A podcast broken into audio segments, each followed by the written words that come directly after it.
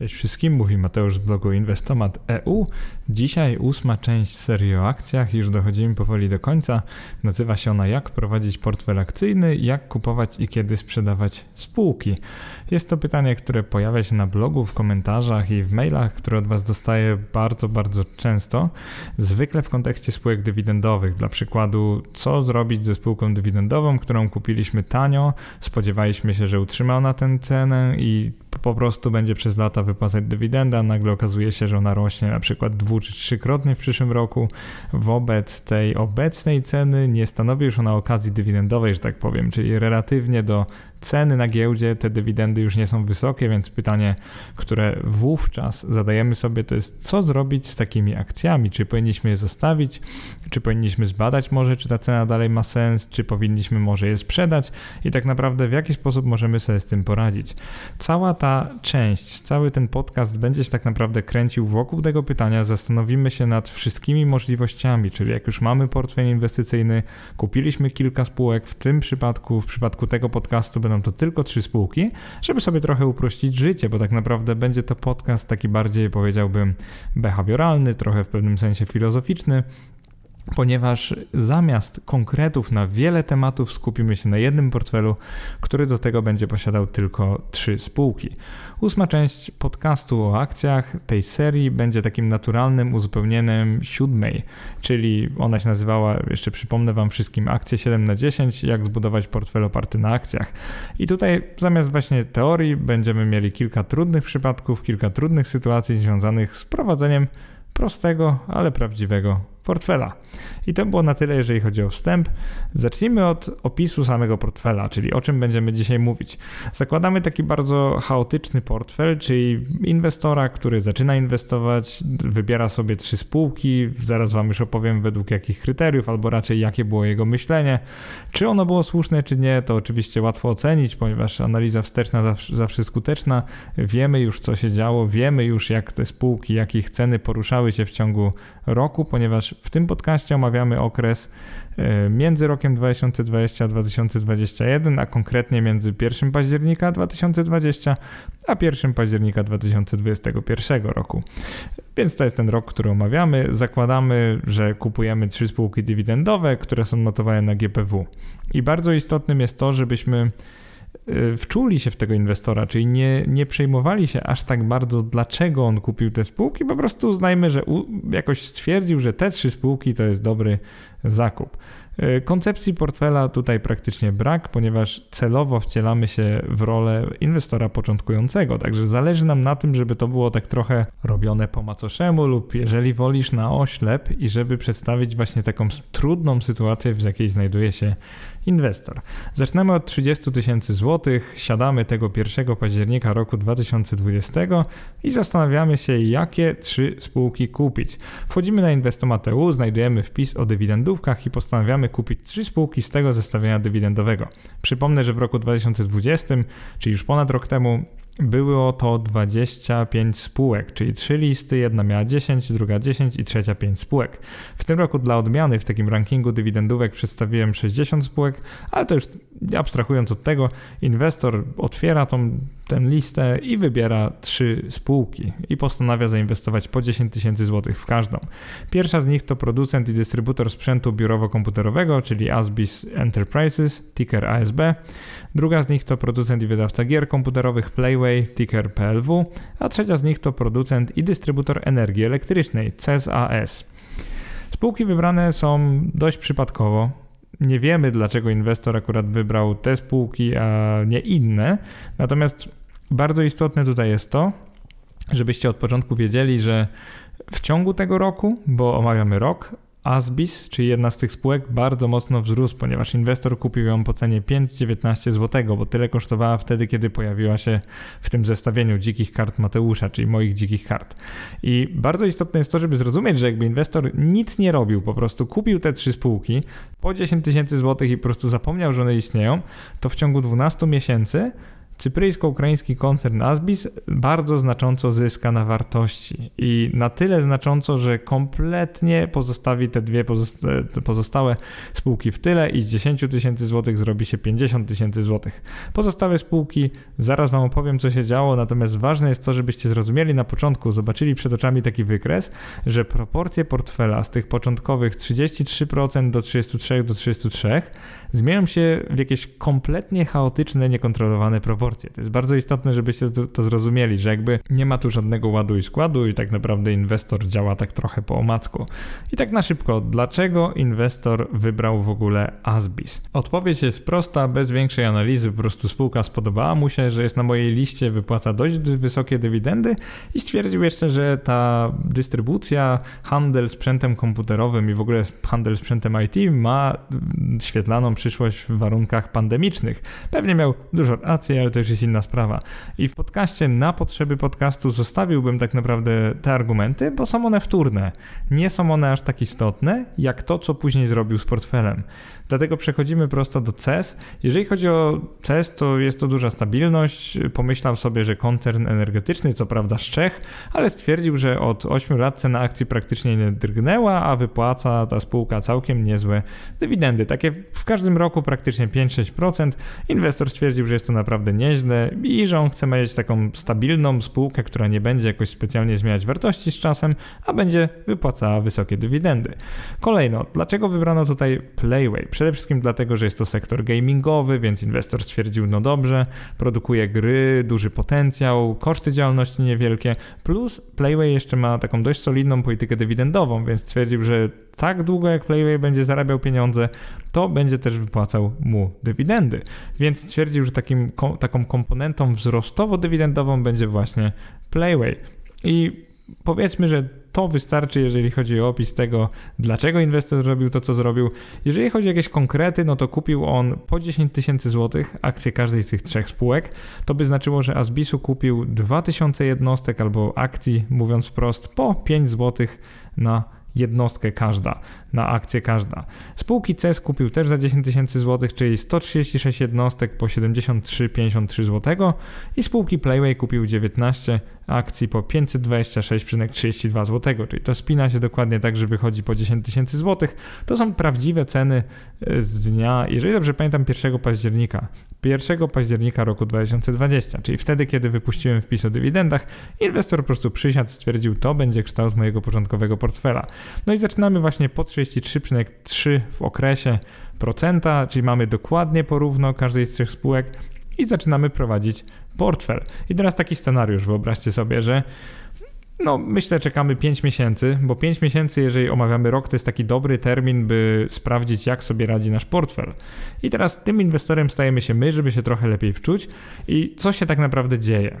Przede wszystkim w tym czasie pięciomiesięcznym wszystkie trzy spółki opublikowały swoje wyniki za trzeci kwartał 2020 roku. Spółka Asbis w międzyczasie wypłaciła dywidendę w ramach tak zwanej zaliczki za rok 2020. Jednak wygląda na to, że ta dywidenda wypłacona zostaje w dolarach amerykańskich, a nie w złotówkach. I tak naprawdę trochę dziwimy się, bo myślimy sobie, jak to się stało. Skoro kupiliśmy spółki na GPW, no to myśleliśmy, że one, te dywidendy są wypłacane w złotych i nie, już jakby podatek belki jest odciągany, a tu ząg. E, kolejnym zdarzeniem jest to, że spółka Asbis kilka dni wcześniej opublikowała wyniki za czwarty kwartał 2020 roku, a więc za cały rok 2020.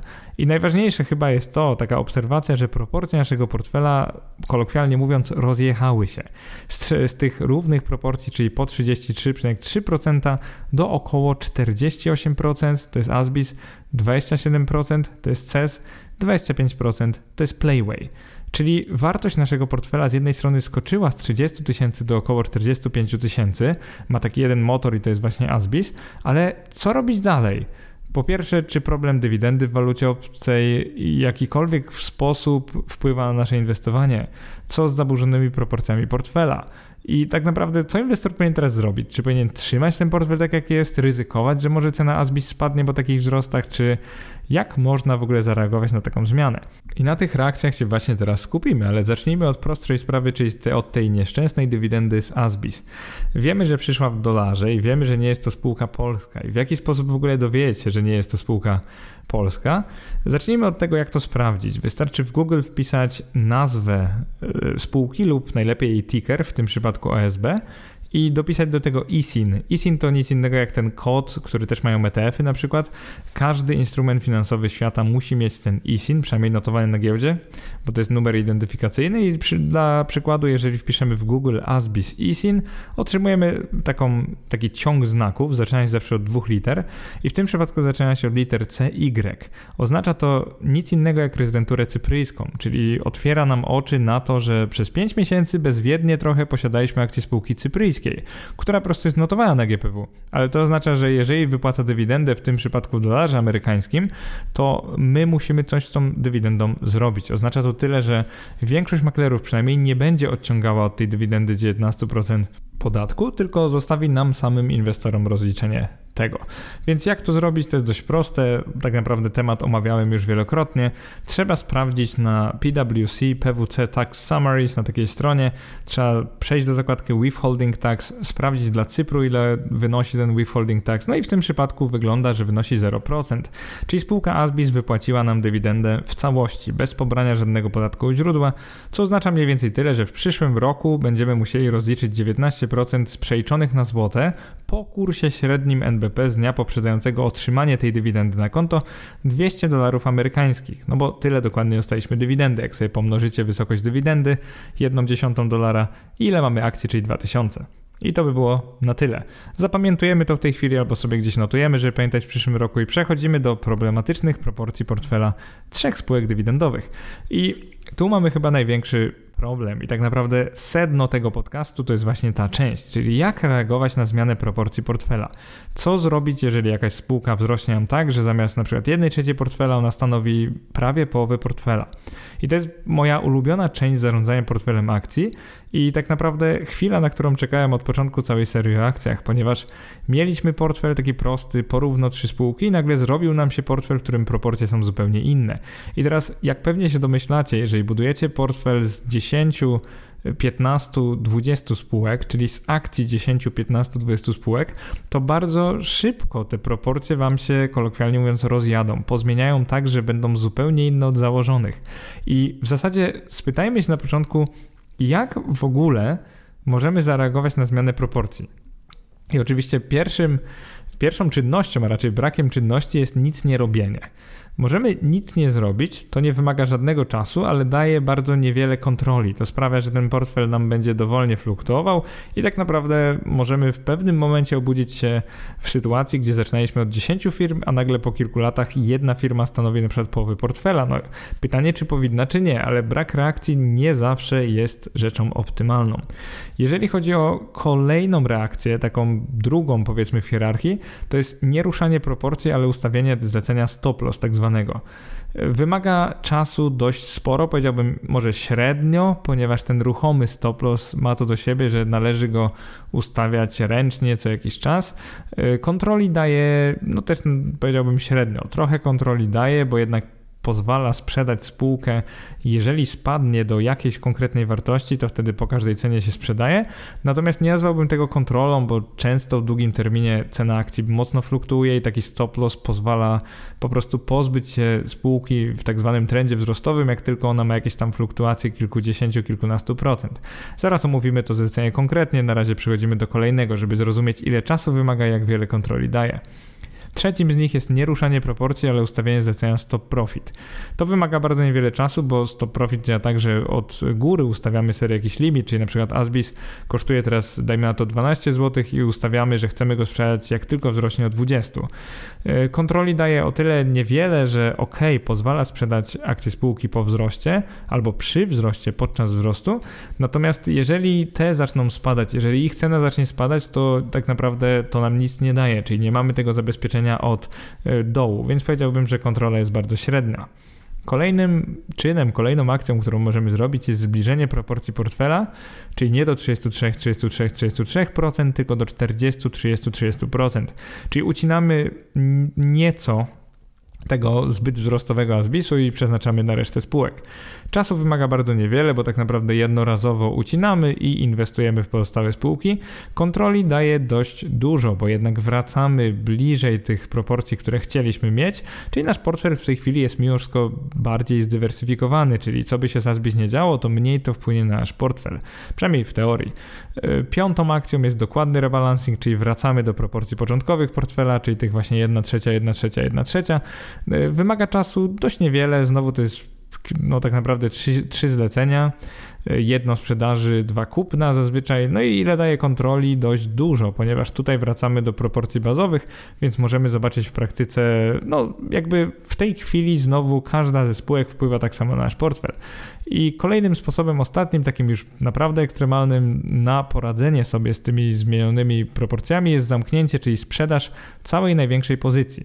Czasu wymaga niewiele, bo tak naprawdę sprzedajemy po prostu Asbis w tym przypadku i kupujemy na przykład inne spółki lub inną spółkę, a może robimy taki rebalancing, żeby mieć portfel 50-50.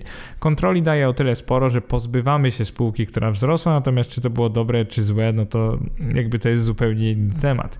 I teraz trochę bym te opcje omówił, bo pokażę Wam tak jakby jak wejść w model taki mentalny, model psychiczny inwestora i jak zrozumieć każdą z opcji trochę lepiej. Czyli wracamy teraz do nic nie robienia. I w inwestowaniu nic nie robienie jest często najlepszą opcją, ale uciec się do niego można tak naprawdę w konkretnych przypadkach. Jeżeli jedna spółka zajmuje nagle w naszym portfelu prawie 50% zamiast jednej trzeciej, no to pytanie, czy to jest dobra opcja. Tak jakby, czy nie ryzykujemy za dużo, jeżeli połowę naszego majątku, naszego wolnego kapitału stanowi jedna firma. I warto tutaj wspomnieć o buffetowskim inwestowaniu z horyzontem wieczności, które zaleca stoicyzm, trzymanie się akcji na rachunku tak długo, jak to tylko możliwe, czyli że kupujemy akcje, ale bez zamiaru sprzedawania ich. Oczywiście najłatwiej tak się kupuje spółki dywidendowe, a zwłaszcza arystokratów, spółki, które od kilkunastu, kilkudziesięciu lat wypłacają non-stop dywidendy, jeszcze dywidendy rosną. Wiadomo, że wtedy łatwiej się trzyma na rachunku, nawet jeżeli się trochę przepłaci, jeżeli one gdzieś tam mocno spadną nawet, no to skoro mamy te dywidendy, to przecież akceptujemy to, że spadają, myśląc, że w przyszłości mogą się wybić, mogą odbić. I tu opisujemy akurat bardzo konkretną sytuację z 1 marca 2021 roku, czyli 5 miesięcy po rozpoczęciu inwestowania przez tego inwestora, przez nas. I mamy tutaj dostępne dwa raporty finansowe, mam na myśli kwartalne, ASBIS, i jakby widzimy dużo więcej teraz. I skoro nasz portfel teraz wynosi około 46 tysięcy złotych, tyle wynosi jego wartość, Asbis stanowi aż 22 tysiące, czyli prawie połowę. No i teraz, jeżeli firma tak wzrosła, to chcielibyśmy, żeby za tym szły jej wyniki. I oczywiście w przypadku Asbisu jak najbardziej. Trzeci kwartał 2020 i czwarty kwartał 2020 to były bardzo dobre kwartały, zarówno pod względem przychodów, jak i zysku. Tak naprawdę Asbis wreszcie pokazał taki zysk, że ta dywidenda wypłacana będzie mogła już być coraz wyższa. No i cena akcji rosła z 5 zł na 8 zł i kolejno na kilkanaście złotych, więc jeżeli sobie porównamy rok do roku, no to wygląda to, że pod względem przychodów i zysku Asbis wzrósł e, akurat przychodów 30%, zysku 100%, więc jeżeli patrzymy na wzrost ceny akcji, no to jak najbardziej jest on jakoś uzasadniony, przynajmniej w fundamentach możemy się doszukiwać takiego właśnie wzrostu cen akcji. Jeżeli na chwilę przepniemy się na spółkę CES, czyli ten czeski koncern energetyczny, to zobaczymy, że w przypadku CES no, mamy taką sytuację, że gdzieś tam porusza się w trendzie bocznym. Jest warta trochę więcej teraz niż na początku, czyli zainwestowaliśmy 10 tysięcy złotych, wzrosła o 24%, jest teraz warta 12 400 złotych około. CES akurat, jeżeli chodzi o wyniki, no tutaj jakoś nie świeci tymi wynikami, ma bardzo podobne do tych wcześniejszych, natomiast ogłosił w międzyczasie, że dywidenda za ten rok, czyli ta w 2021 będzie dość wysoka, co wpłynęło na lekki wzrost kursu akcji. I tak naprawdę mamy w tej chwili taką sezonową spółkę, można powiedzieć cykliczną. Większość zysku zawsze realizuje ona w pierwszym kwartale każdego roku, czyli to jest właśnie spółka cykliczna. Możemy w 2021 pewnie liczyć na porządną dywidendę, nawet nie znając wyników za czwarty kwartał 2020 roku. Dlatego, że na zysk netto, czyli na dywidendy wpływa głównie w przypadku tej spółki pierwszy kwartał jej działalności. Mamy więc lekki wzrost ceny akcji przy nieszczególnym wzroście wyników firmy. To sprawia, że CES niekoniecznie jest spółką, w którą chcemy zainwestować więcej pieniędzy. Jakby Asbis wygląda lepiej, więc pytanie, czy chcielibyśmy wrócić do CES. I teraz, czy sytuacja wygląda podobnie dla polskiego producenta gier, czyli spółki Playway? Tu jest dość ciekawie, bo Playway dał, dał nam póki co trochę zarobić, ale tylko 12,6%. Cena jego akcji albo wartość jego akcji w portfelu wynosi 11 262 zł wobec, przypominam, początkowej kwoty inwestycji wynoszącej 10 tysięcy złotych. I fundamenty spółki, no cóż, zmieniły się, ale niekoniecznie na lepsze. Akurat ona miała bardzo dobry kwartał drugi roku 2020, natomiast dużo gorszy kwartał trzeci roku 2020. Natomiast jakbyśmy na to nie patrzyli dalej, jej wyniki roczne są bardzo dobre, więc wygląda na to, że ta spółka może iść na wzrost, zarabia pieniądze, będzie produkowała jeszcze więcej gier, będzie sprzedawać i tak jakby możemy pomyśleć, no dobrze, jest trochę droga, bo tak obiektywnie wygląda drogą, no ale może nie jest to jakieś maksimum, więc możemy pomyśleć, Playway przynajmniej jest bardziej wzrostowy niż CES, to może powinniśmy przynajmniej zostawić te proporcje tak jak są. Więc inwestor, który postanowiłby nic nie robić, przede wszystkim powinien opierać się na fundamentach. Jeżeli stwierdzi, że Asbis naprawdę pod względem przychodów zysku rośnie dynamicznie, nie jest bardzo zadłużony, oczywiście nie mówię tu o Asbisie, bo ten, ten akurat zwykle jest, bo, bo używa tych, e, tego, że może brać te zobowiązania. Natomiast jeżeli inwestor uzna, że ta spółka faktycznie jest mocniejsza niż dwie e, pozostałe, to może uznać, że nic nie zrobi i to będzie najlepszą opcją, więc tu omówiłem opcję nic nie robienia. Opcja druga to jest ustawienie zlecenia stop loss. Zasada działania stop loss jest bardzo prosta, ono się kiedyś pojawiło w jakiejś tam serii, ale akurat nie w serii o akcjach. Stop loss ma za zadanie ograniczyć możliwy spadek cen akcji poprzez aktywowanie się jedynie gdy cena akcji przebije pewien pułap od góry, czyli wyobraźcie sobie, że po prostu cena spada, czyli od góry przebija jakiś pułap, wtedy zlecenie się aktywuje, działa tak, że jest tak zwane po PKC, czyli po każdej cenie. Jeżeli przebije jakiś tam limit dolny, no to sprzeda się no matter what, jak to mówią e, Brytyjczycy albo Amerykanie, czyli po każdej cenie. I teraz, dlaczego w przypadku Asbis stop loss jest dość problematyczny albo byłby? Jeżeli nawet ustawiamy stop loss powiedzmy 15% poniżej obecnej ceny, to zauważcie, jak często, jeżeli spojrzymy na wykres y, kursu akcji, no celowo Wam pokazuje parę kolejnych miesięcy, bo oczywiście inwestor nie mógł przewidzieć, jak będzie, ale gdyby on skrupulatnie co kilka dni ustawiał na przykład stop loss 10% poniżej ceny danego momentu, to zauważcie, ile razy ta spółka by się sprzedała, mimo że w długim terminie jest w trendzie wzrostowym. Czyli jakby w przypadku Asbis ustawianie go 10% od tych maksimów albo obecnych cen po prostu by się nie sprawdzało. To by skończyło się tak, że najpierw byśmy 7 marca sprzedali, później byśmy gdzieś tam w początku kwietnia sprzedali. Jeżeli jeszcze jakimś cudem byśmy mieli na rachunku, to byśmy pod koniec kwietnia znowu sprzedali. I oczywiście nie mogliśmy wiedzieć, co się stanie z Asbis. Niektórzy będą się śmiać teraz, że analiza wsteczna zawsze skuteczna i tak naprawdę nie dało się tego przewidzieć, więc co zatem robić? I można by ustawiać stop lossy w taki sposób ruchomy, ale gdzieś w dłuższym terminie.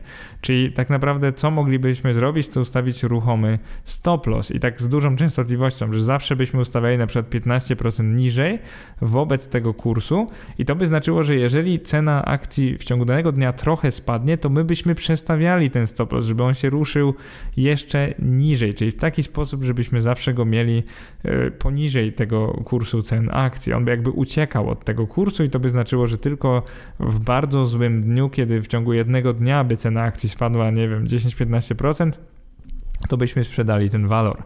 Czy to jest oczywiście dobre, czy nie, to samemu musicie ocenić. Dla mnie akurat stop lossy to jest rzecz bardzo trudna. Niektórzy bagatelizują ją, ustawiają stop lossy na wszystkim i później po tygodniu mają sprzedane e, połowę akcji.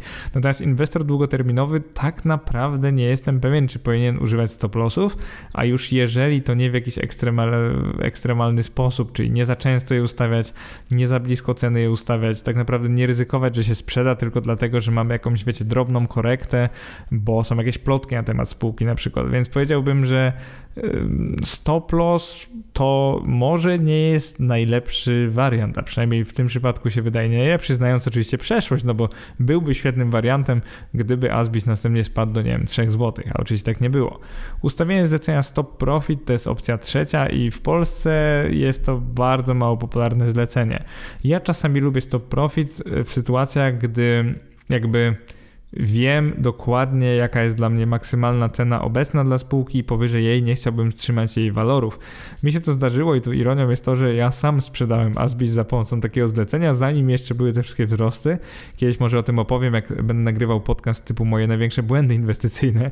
Oczywiście to pokazuje po czasie, że było błędem, natomiast faktycznie ustawienie stop profitu w przypadku spółki wzrostowej, która jeszcze publikuje dobre wyniki, to tak jak gwarancja sprzedaży, jak tylko będzie wzrost, więc to zlecenie jest trochę dziwne. Sam stop profit działa tak, że ustawiamy limit aktywacji od góry tym razem, czyli sprawiamy, że jeśli cena aktywa przebije pewien pułap, tak jakby z dołu, my będziemy chcieli sprzedać jej bez względu na cenę, czyli PKC. To jest, tak jak powiedziałem, rzadki rodzaj zlecenia, wykorzystują go głównie fundamentaliści, no i patrząc na wykres takiego stop profitu w przypadku Asbisu, zobaczymy, że no ciągle byśmy sprzedawali e, akcje Asbisu, czyli tak naprawdę gdzie byśmy nie ustawili tego stop profitu, to byśmy co parę miesięcy sprzedali te akcje. Czy byśmy tego chcieli, czy nie? No i oczywiście ktoś, kto wie, jak się później poruszały e, akcje Asbisu w tym roku danym, który analizujemy, no to wie, że to jest jednak wyższa szkoła jazdy i stop profit tutaj no nie za dobrze wypadł. I teraz o czym chciałbym jeszcze powiedzieć? O tym, że możemy ustawiać e, częściowe zlecenie stop profit, czyli na przykład możemy powiedzieć, że gdy cena akcji Asbisu wynosi 10 zł, możemy ustawić stop profit z limitem 12 zł, ale tylko na przykład na 25% posiadanych papierów. Czyli możemy sobie tak ustalać stop profit, żeby przycinać sobie pozycję. Przy okazji pośrednio będziemy robić rebalancing w taki już bardziej automatyczny sposób i na przykład mówimy, jeżeli Asbis jest tam po 10-15 zł, czujemy się gorzej, no to chcemy sprzedać przykład 25% oryginalnie posiadanych papierów.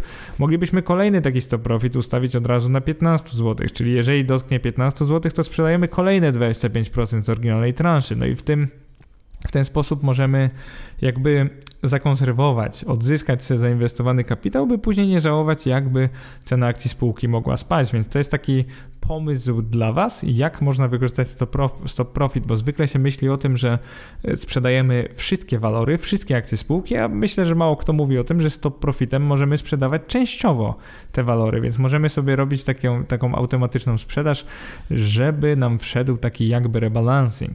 Opcją czwartą będzie przy, przycięcie proporcji do 40, 30, 30, czyli jakby to jest taka wyważona opcja. Robimy rebalancing, ale nie całkowity i tym sposobem redukujemy trochę ryzyko inwestycji w Asbis, bo już nie mamy go, wiecie, połowy, tylko mamy gdzieś tam trochę powyżej 1 trzeciej, jakby nie patrzeć. Natomiast inne spółki, no trochę przywracamy do tych zakładanych proporcji. To by znaczyło mniej więcej tyle, że 1 marca roku 2021 mieliśmy właśnie 48, 27, 25 procentowo i przywracamy 40, 30, 30. I teraz jak to się dzieje w praktyce? W tym przypadku to by była akurat sprzedaż 459 papierów akcji spółki Asbis po 11,96 zł każdy. Uzyskujemy tak około 5500 zł na zakup akcji pozostałych dwóch spółek. No i teraz kupujemy 22 akcje CES po 91,50 każda i to jest łącznie około 2000 zł kupujemy 6 akcji Playway po 580 zł każda, czyli łącznie po 3480 zł. Tyle łącznie to kosztowało, czyli zauważcie, że więcej kupiliśmy Playway, bo jego było w tym portfelu mniej. I powyższe transakcje powodują, że nasz portfel, ten pierwotny, jest no, trochę bliżej tych proporcji, które mamy teraz.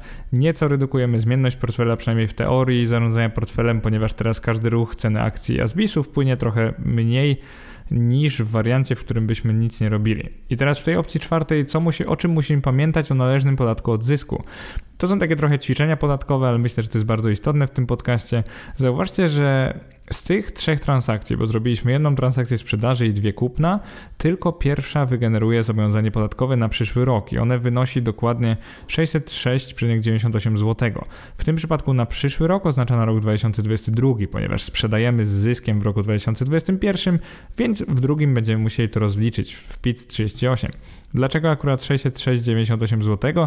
Dlatego, że jest to 19% przemnożone przez 459, to jest liczba sprzedanych papierów, a kolejno przez różnicę w cenach sprzedaży, czyli 11,96 zł i cenach zakupu, czyli 5 zł.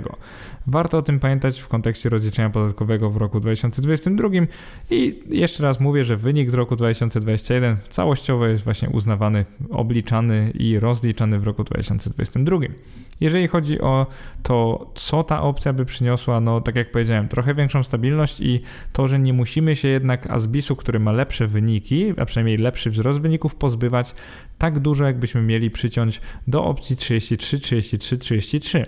I to właśnie w opcji piątej wyrównamy te proporcje portfela, czyli wrócimy do tego, jak Asbis powinien wyglądać od początku czyli po prostu powinno go być 33%, no to w nas niestety wymusza sprzedaż akcji Asbis za aż 8 tysięcy złotych, czyli niemalże za tą początkowo zainwestowaną kwotę. I teraz co robimy? Przede wszystkim sprzedajemy teraz 680 papierów spółki Asbis, znowu cena jest taka sama, prawie 12 zł. Uzyskujemy w ten sposób około 8 tysięcy złotych na zakup akcji dwóch pozostałych spółek. Tym razem kupujemy 36 akcji CES po 91,5 każda, czyli 3300 wydajemy na akcję CES i kupujemy 8 akcji Playway. Po 580 każda, załącznie około 4640 zł. I dzięki powyższym uzyskujemy około 15,7 tysiąca złotych na każdej z otwartych pozycji portfela. Efektywnie posiadamy teraz e, portfel taki, który ma akcje rozłożone równomiernie. No i oczywiście to też generuje zobowiązanie podatkowe. W tym przypadku ono wynosi 899 zł około. Dlaczego tyle? Bo to jest 19% przemnożone przez 680, bo tyle akcji Asbisu sprzedajemy i tą różnicę w cenie, która wynosi około 7 zł. I tak naprawdę to były opcje rozsądne, a teraz byśmy zastanowili się nad taką opcją, no może trochę mniej rozsądną, czyli sprzedaż całej pozycji Asbis. Ja zazwyczaj nie jestem fanem sprzedawania wszystkich akcji spółki w portfelu, gdy ich cena rośnie wraz z polepszaniem się wyników finansowych. Po prostu w przypadku Asbisu, jeżeli chodzi o mnie, to nie doczekałem się polepszenia wyników i sprzedałem wcześniej, więc na tym polegał pech. Na sprzedaż całej pozycji Asbisu 1 marca 2021 roku zdecydowałby się tylko taki prawdziwy dogmatyk analizy fundamentalnej, który stwierdziłby, że w stosunku do fundamentów stała się ona zbyt droga. I teraz co to oznacza w ogóle zbyt droga w stosunku do fundamentów? Tak w skrócie można by tylko spojrzeć na poprzednie kwartały, czyli nawet weźmy kwartał czwarty roku 2011, krocząca cena do zysku wynosiła 3,10. Później mamy kwartał pierwszy roku 2020, krocząca cena do zysku wynosiła 2,63. Później mieliśmy kwartał drugi 2020, wynosiła 2,78. Później w kwartale trzecim 2020 wynosiła 3,17. I później pomimo tego, że cena akcji spółki wzrosła tam z 3 zł po paru kwartałach do 8 zł, to w kwartale czwartym mieliśmy tak wysoki zysk na akcję 1,45 zł, że ta cena 8,08 znaczy mniej więcej tyle, że krocząca cena do zysku z 4 kwartałów wynosi 3,21, więc Trochę upraszczam to rzeczywistość, trochę rozumiemy, co taka osoba mogła mieć na myśli i po ogłoszeniu wyników za czwarty kwartał 2020 roku cena akcji wynosiła około 11 zł. Więc 1 marca mieliśmy cenę do zysku 4,38. Więc inwestor mógłby sobie pomyśleć, że skoro w przeszłości inni inwestorzy akceptowali na Zbisie e, taki współczynnik, taki wskaźnik cen do zysku jak 2,5, 2,7, 3, a nagle mamy 4,4, no to co z tego, że cena akcji dalej jest relatywnie tania, ponieważ mało jest spółek, które mają ten wskaźnik na tak niskim poziomie, mimo wszystko, to inwestor mógłby pomyśleć, co się nagle stało na giełdzie, że inni inwestorzy akceptują 4,38, a nie na przykład 3, więc mógłby powiedzieć, że to jest jakby relatywnie do ceny Asbisu z przeszłości, jest to dość dużo, więc tak nie filozofując za dużo, ten inwestor mógłby po prostu uciąć całą pozycję, sprzedać wszystkie akcje spółki Asbis, myśląc, że, jest, że są one po prostu za drogie. I niezależnie od efektu tego trochę filozoficznego rozmyślania, powiedziałbym, że sprzedawanie wszystkich akcji perspektywicznej spółki, która od czasu zakupu przez parę miesięcy znacznie polepszyła fundamenty, czyli swoje wyniki, prawie zawsze okazuje się błędem. I tak naprawdę znacznie lepszą opcją jest na przykład przycięcie pozycji, albo jakiś rebalancing, albo ustawienie rozsądnego zlecenia stop loss, na przykład na 50% posiadanych akcji. Więc oczywiście stop profit na 50% posiadanych akcji też możemy zrobić, więc jakby rozpatrzcie wtedy inne warianty, a niekoniecznie ucinajcie całą pozycję, jeżeli wraz ze wzrostem ceny jakkolwiek, bo jakkolwiek, ale rosną fundamenty. I teraz jakbyśmy spojrzeli na taki portfel po roku, załóżmy, że wybraliśmy opcję piątą, ponieważ rebalancing do tych 33%, 33%, 33%, czyli do tej postaci naturalnej portfela, jest chyba takim oczywistym wyborem dla inwestora, który na przykład kupował wcześniej ETF-y i inwestuje w sposób pasywny bo tak, tak naprawdę najczęstszym wyborem będzie właśnie to, więc załóżmy, że zrobiliśmy właśnie to, czyli przypomnę, że sprzedaliśmy za 8 tysięcy Asbisu i dokupiliśmy innych spółek. Jeżeli poczekamy teraz kolejne 7 miesięcy, czyli już do końca tej analizy, czyli do 1 października roku 2021, no to co się okaże? Jeżeli w marcu 2020 roku mieliśmy nadzieję, że jak przytniemy do proporcji początkowych portfela, no to Asbis tak szybko znowu nie wybije, że nie będzie tyle wart. No i się okazuje, że po kolejnych 7 miesiącach, czyli po 12 miesiącach od początku prowadzenia portfela, Asbis znowu stanowi prawie połowę portfela, bo 49%. I przypomnę, że mimo, że go sprawdziliśmy w marcu do początkowych proporcji, tylko tym razem mamy proporcję portfela 49% Asbis, 33% CES i 18% tylko Playway. Takže no o tyle nie jesteśmy zbyt szczęśliwi, że znowu nam się te proporcje mocno rozjechały, o tyle jesteśmy szczęśliwi, że z początkowych 30 tysięcy złotych mamy teraz ponad 60 tysięcy złotych. Oczywiście to jest mniej niż gdybyśmy nie zrobili tego rebalansingu w marcu, no ale to nie jest istotne, bo tego nie mogliśmy e, przewidzieć, więc mamy teraz na głowie taki portfel, e, który, w którym prawie 50% stanowi jedna spółka. Łącznie mieliśmy cztery dywidendy do, do rozliczenia, ponieważ Asbis wypłacił dwie, zaliczkę i tą główną, CES wypłacił jedną i Playway wypłacił jedną i trzy z tych czterech dywidend były ze spółek zagranicznych, także mamy trochę rozliczania, bo musimy rozliczyć właśnie kilka dywidend, e, zwłaszcza tych zagranicznych, bo oczywiście z Playwaya makler automatycznie odciągnie nam 19%. Więc co robimy z kolejną dywidendą Sasbis? Tak naprawdę to, co Wam mówiłem wcześniej, więc bez zbędnego gadania.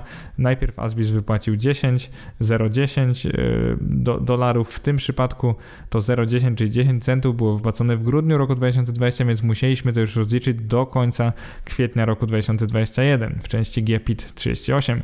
Kolejną Asbis wypłacił w maju roku 2021 dywidendę, która wynosiła 20 centów na akcję. W tym przypadku mieliśmy na rachunku 1320 akcji tej firmy, więc jak pomnożymy, to Asbis nam wypłacił po prostu 264 dolary amerykańskie. No i przypomnę, że stawka WHT, czyli Withholding Tax na Cyprze wynosi 0%, więc w kolejnym roku, czyli 2022, musimy rozliczyć 19% tego i zapłacić naszemu urzędowi skarbowemu. Jeżeli chodzi o dywidendę z CES, to podobnie tutaj już wiemy, że to jest spółka zagraniczna, ale jakbyśmy nie wiedzieli, to musimy wpisać w Google CES ISIN. Dowiadujemy się, że właśnie zaczyna się od CZ, czyli jest to spółka czeska.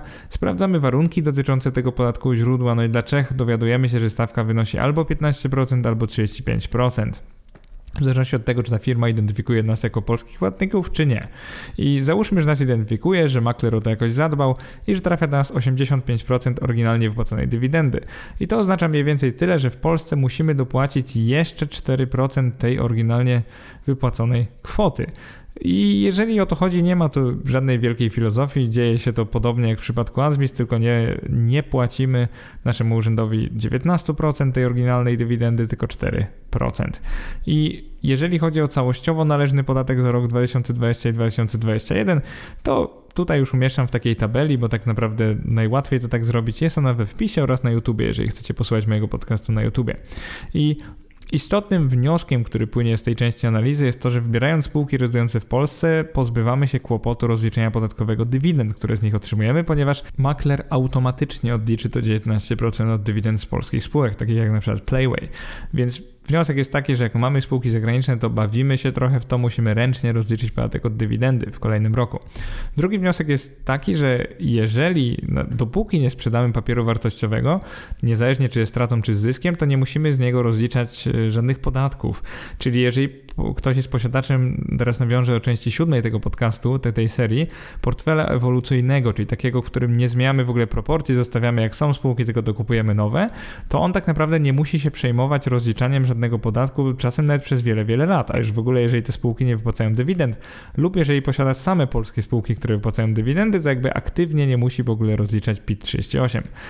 I jeżeli byśmy sobie teraz analizę wsteczną przeprowadzili, to oczywiście najlepiej tutaj wyszłaby nam opcja, gdzie byśmy nie zrobili nic, ponieważ Asbis tak mocno rósł. Oczywiście najgorzej by wyszła opcja, jakbyśmy pozbyli się całej pozycji.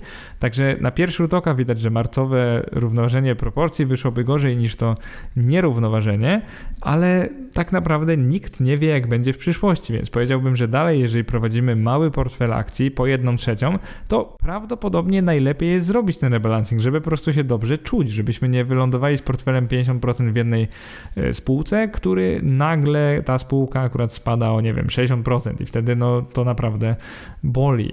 Więc jeżeli, żeby już nie zostawić Was z niczym, tak naprawdę na koniec tego podcastu mam kilka rad.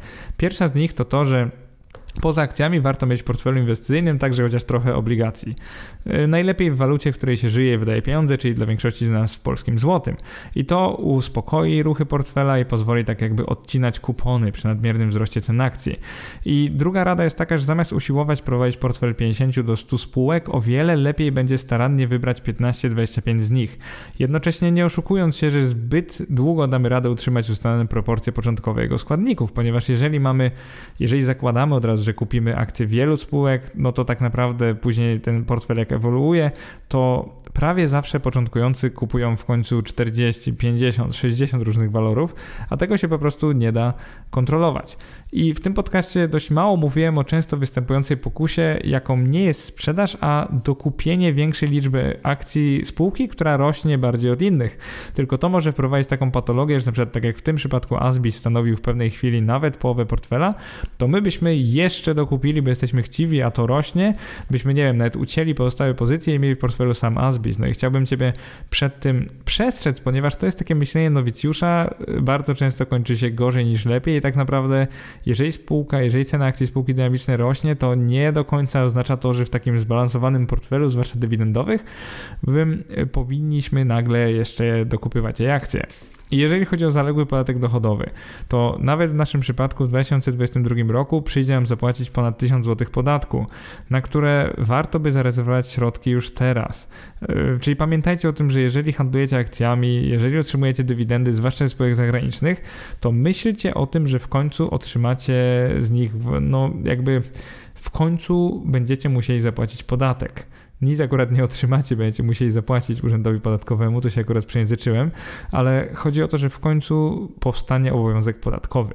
I do tego są trzy podejścia, bo zauważcie, że przy wyższych kwotach możecie mieć zaległy podatek e, belki do zapłacenia tak wysoki, że nawet na, na, powiedzmy mniej zarabiacie w ciągu miesiąca. Więc opcja pierwsza jest taka, że odłożyć od razu środki na rachunku bieżącym, żeby po kilku miesiącach móc zapłacić ten podatek. Druga opcja to jest oczywiście kupić za te środki, bodajmy na to, to może być kilkanaście, kilkadziesiąt tysięcy złotych, krótkoterminowe obligacje skarbowe, by po prostu wyczekać do kwietnia kolejnego roku i wtedy wydać, e, one się zwrócą i wtedy wydać to na podatek belki. Trzecią opcją jest zwykłe zignorowanie tej potrzeby, czyli dalej inwestujemy środki i liczymy, że podatek zapłacimy z naszych bieżących środków, że będziemy po prostu mieli na przykład z naszej wypłaty, albo po prostu spieniężymy część akcji i w marcu, kwietniu kolejnego roku e, sprzedamy akcje tylko po to, żeby było nas stać na zapłatę podatku belki. I tak naprawdę ten należny podatek belki, o którym się tak nie myśli za dużo, jest częstym problemem, zwłaszcza u początkujących inwestorów, no bo dywidendy są wypłacane, mamy na przykład zagraniczne, których nie rozliczyliśmy, później sprzedajemy jakieś akcje z zyskiem, kupujemy coś innego i zapominamy o tym, że powstanie obowiązek podatkowy. I czasami bywa tak, że ktoś prowadzi portfel za kilkaset tysięcy złotych, wykona tyle transakcji, że na przykład należny podatek wynosi, no dajmy na to, kilkadziesiąt tysięcy złotych. I zauważcie, że taka osoba w kwietniu kolejnego roku może po prostu nie mieć pieniędzy na ten podatek i nie będzie miała go z czego zapłacić. I Powiedziałbym, że to by było na tyle, jeżeli chodzi o ten ciekawy, taki ewolucyjny podcast. Mam nadzieję, że Was ciekawił. Portfel był celowo uproszczony, ponieważ nie mógłbym tutaj rozmawiać o portfelu 10 spółek, bo po pierwsze by było ciężko na tym nadążyć, a po drugie chyba niczego byście się nie nauczyli.